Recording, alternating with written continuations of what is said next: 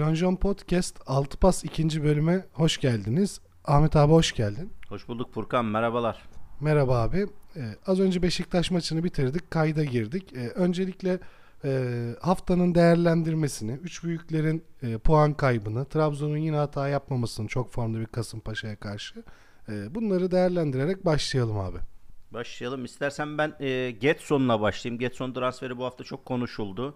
Biliyorsun Getson tüm Galatasaraylıların e, hayalini kurduğu ve kadrolarını ilk sıraya yazdığı bir oyuncuydu.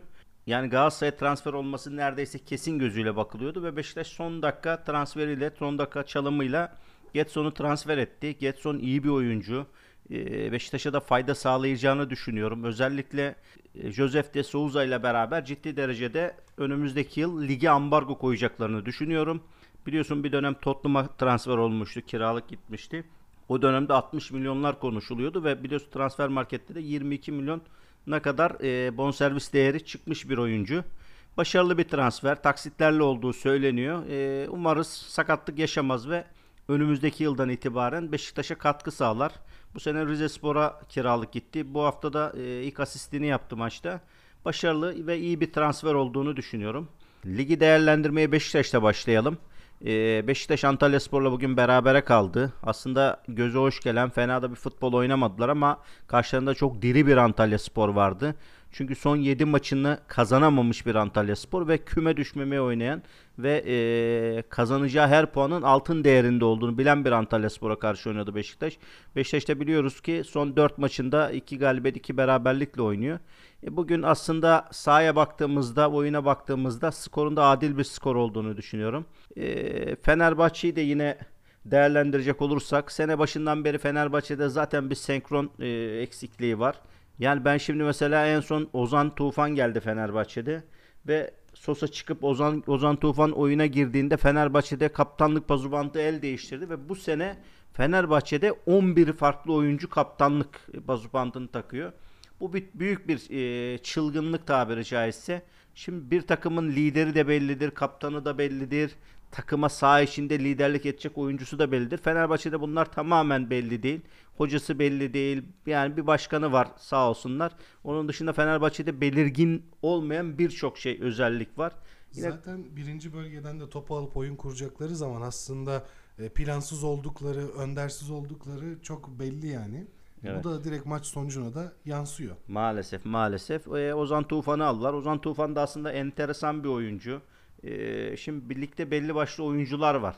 Yani belli yetenekli yetenekleri olan oyuncular. Fakat ne zaman ne yapacaklar hiç belli olmuyorlar. Yani iki maç çok iyi oynayıp 5-6 maç hiçbir şey oynayamayan oyuncular bu oyuncular. Beşiktaş'ta da mesela ben buna Oğuzhan Öz Yakup'u örnek verebilirim. Yani bakalım inşallah katkı sağlar Fenerbahçe'ye. Yani ben İngiltere'de bir şeyler öğrendiğini, bir şeyler kapacağını düşünüyordum ama çok da öyle görünmedi. Ee, bakalım Fenerbahçe ile bundan sonra artık e, ikincilik, üçüncülük için mücadele edecek. Bu bu haftadan sonra zaten şampiyonluk ihtimali zaten yoktu çok fazla ama bundan sonra herhalde artık şampiyonluğu da anma, anmayacaklarını düşünüyorum. Yine Galatasaray'a gelecek olursak aslında çok zor bir deplasmana çıktılar. Çok istim üstünde bir takımla oynadılar. Alanya Spor özellikle Farayola'nın gelmesiyle beraber iyi bir ivme yakalamıştı. Galatasaray'da aslında e, yeni hocasıyla beraber fena top oynamıyordu ama skora yansıtamıyordu. Bugün bir bir beraberlik maç için aslında adil iyi bir skor oldu. E, bundan sonra ben Galatasaray'ın özellikle yeni aldığı oyuncularla beraber daha başarılı olacağını ve bir seri yakalayıp e, bu buhrandan çıkacağını düşünüyorum. E, Konya Spor'u da bir kısaca değerlendirecek olursak Konya Spor... Konya'dan önce ben şunu eklemek isterim abi. Aslında üç büyüklerin rakiplerinin üçü de istediklerini alıp ayrıldı maçlardan. Yani evet. e, Alanya'da, Başakşehir'de yine aynı şekilde Antalya'da. E, bu yüzden e, rakibi de iyi okuyamamış, ona göre hazırlanamamış da diyebiliriz üç büyükler için. Evet. E, Konya Spor yorumunu alalım abi buyur. Şimdi Konya Spor bir atıp 3 alıyor. Kaç haftadır bu şekilde devam ediyorlar. Ee, sene başında muhtemelen buraları hayal etmiyorlardı. Tabii çok zor e, bir periyoda giriyor Anta, e, Konya Spor bundan sonraki 5-6 haftada. Ciddi rakiplerle oynayacaklar. Önümüzdeki hafta Trabzonspor maçı da var. Tabii Konya Spor'un Giresunspor'a karşı oynadığı futbol yeterli olur mu Trabzon'da? Bu ciddi bir soru işareti. E, Konya Spor tabii bugüne kadar çok başarılı geldi. Fakat Trabzon maçında e, ciddi sorun yaşayacaklarını ben düşünüyorum. Tabii Trabzonspor'un burada saha avantajı da var. Akyazı'da olacak maç. Evet, Trabzonspor'un ciddi saha ve seyirci avantajı olacak. E, hem buradan Trabzonspor'u değerlendirelim bu haftaki Kasımpaşa maçını ve Trabzonspor üzerinde biraz yorumlamak istiyorum. E, Trabzonspor aslında yaklaşık 8-10 haftadır gerçekten kötü futbol oynayıp e, sonuç alıyor. Her maç bir şekilde maç kazanıyor ve yenilmemeyi biliyor Trabzonspor. Özellikle bu hafta Kasımpaşa maçında Kasımpaşa biliyorsun son 6 haftadır maç kaybetmeyen ve son 5 maçını kazanan bir takım. Aslında çok istim üstünde bir takım ve e, küme düşme potası aslında küme düşmenin birinci adayıyken e, bir anda 5 haftada iyi bir konuma geldiler, iyi bir noktaya geldiler. Ben Kasımpaşa'nın oyununa da kısaca değinmek istiyorum. Aslında oyunu çok geniş alanda oynuyorlar.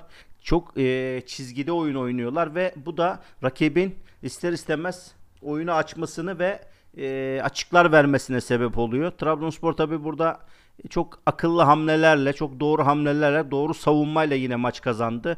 Aslında iyi futbol oynamadı Trabzonspor. Maçın e, sonunda baktığımızda istatistiklere de Trabzonspor aslında e, Kasımpaşa'ya topu vermiş ve oyun 45'e 55 Kasımpaşa'da daha çok top kalmıştı. Fakat ben genelde maçların sonunda en çok baktığım istatistik ikili mücadelelerdir. Orada da Trabzonspor'un 57'ye 43 gibi bir üstünlüğü vardı. E, bu da sonucu getirdi ve Trabzonspor aslında dışarıdan bakıldığında e, ciddi bir teknik adam takımı gibi duruyor. Fakat aslında ligde belki de en çok bireysel oyuncularla maç kazanan takım.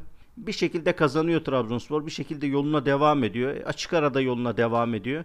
Ve maç kaybetmeden yoluna devam ediyor. Ligde sadece bir kere yenilen bir takım. E, ve bir şekilde sonunu getireceğini ve şampiyon olacağını düşünüyorum. Şimdi Trabzonspor'un oyununu seninle incelediğimizde abi aslına bakarsan e, çok tekrar eden bir oyun oynuyorlar. İşte maçın başlıklarındayken kanat oyununa çok yüklenmeleri, e, ileride hücum hattını üçlemeleri aslında bunu rakipleri de biraz çözdü. Bu yüzden ileride sürekli değişikliğe giden 3. bölgede dar alanda kaybolan bir Trabzonspor e, görebiliyoruz biz de bu Evet, yüzden. evet. Şimdi tabi burada çok önemli bir durumda Vişça'nın transferi. E, iki maçında boş geçmedi. Çok güzel boş alanları dolduruyor. Arkaya sarkmalar yapıyor. Bir yandan da üçüncü bölge içinde oyun kurabiliyor Vişça. Evet. E, yine geçen hafta yaptığım bu hafta da bir e, Vişça yorumu alayım senden abi. Vişça'yı değerlendirecek olursak Vişça zaten bu ligin en değerli oyuncularından birisi. Geçen hafta söylediğim gibi bence şampiyonluk transferidir Vişça ve bunun da hakkını geçen hafta zaten son dakika attı ve bu hafta da attığı golle verdi. Yani bazı Trabzonsporlular 4 milyon euronun 4 4.2 milyon euronun ciddi yüksek rakam olduğunu ve bu yaşta bir oyuncuya verilir mi diye konuşuluyordu ve iki haftada da aslında neden bu parayı hak ettiğini, ne kadar özel bir oyuncu olduğunu Vişça tüm Türkiye'ye göstermiş oldu.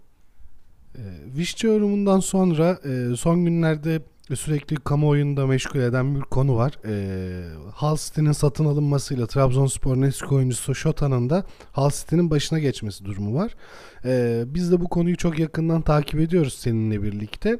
E, bir Şota yorumu, Acun'un hedefleri, Hull City'nin alınması, Türk futboluna etkisiyle alakalı değerlendirmeni merak ediyorum abi. Tabii e, Hull City'yi değerlendirecek olursak e, Şota Özbekistan Ligi'nde zaten şampiyon oldu biliyorsun daha önce. E, oradaki başarısıyla beraber zaten Acun Ilıcalı'yla da ciddi dostluğu var. Hull City'nin başına geçti. İlk maçını kazandılar. ikinci maçında mağlup oldular. Tabii lige alışacak, ligi tanıyacak. E, İngiltere'de ben Şota'nın başarılı olacağını düşünüyorum. Acun Ilıcalı penceresinden değerlendirecek olursak zaten yıllardır bir takım almak istiyordu. Önce Hollanda'da bir takım üzerinde bir e, çalışma yapıldı.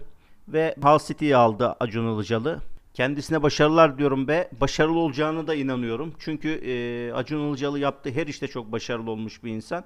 Burada da çok başarılı olacağını ve ülkemizi başarıyla temsil edeceğini düşünüyorum. Çünkü e, şöyle de bir şey var. Hull City'nin biliyorsun stadın dışına Türk bayrağı çekildi ve türbünlerinde ciddi derecede Türk bayrakları görüyorum. Tabi bu da ister istemez her Türk gibi beni de gururlandırıyor. Kendisini tebrik ediyorum ve bundan sonra inşallah çok çok başarılı olurlar ve bizim de yüzümüzü ağartırlar. Abi çok teşekkür ediyorum. İkinci bölümün sonuna geldik. Ağzına sağlık. Ben teşekkür ediyorum Furkan. Ee, tüm dinleyenlere de saygılarımı, sevgilerimi gönderiyorum.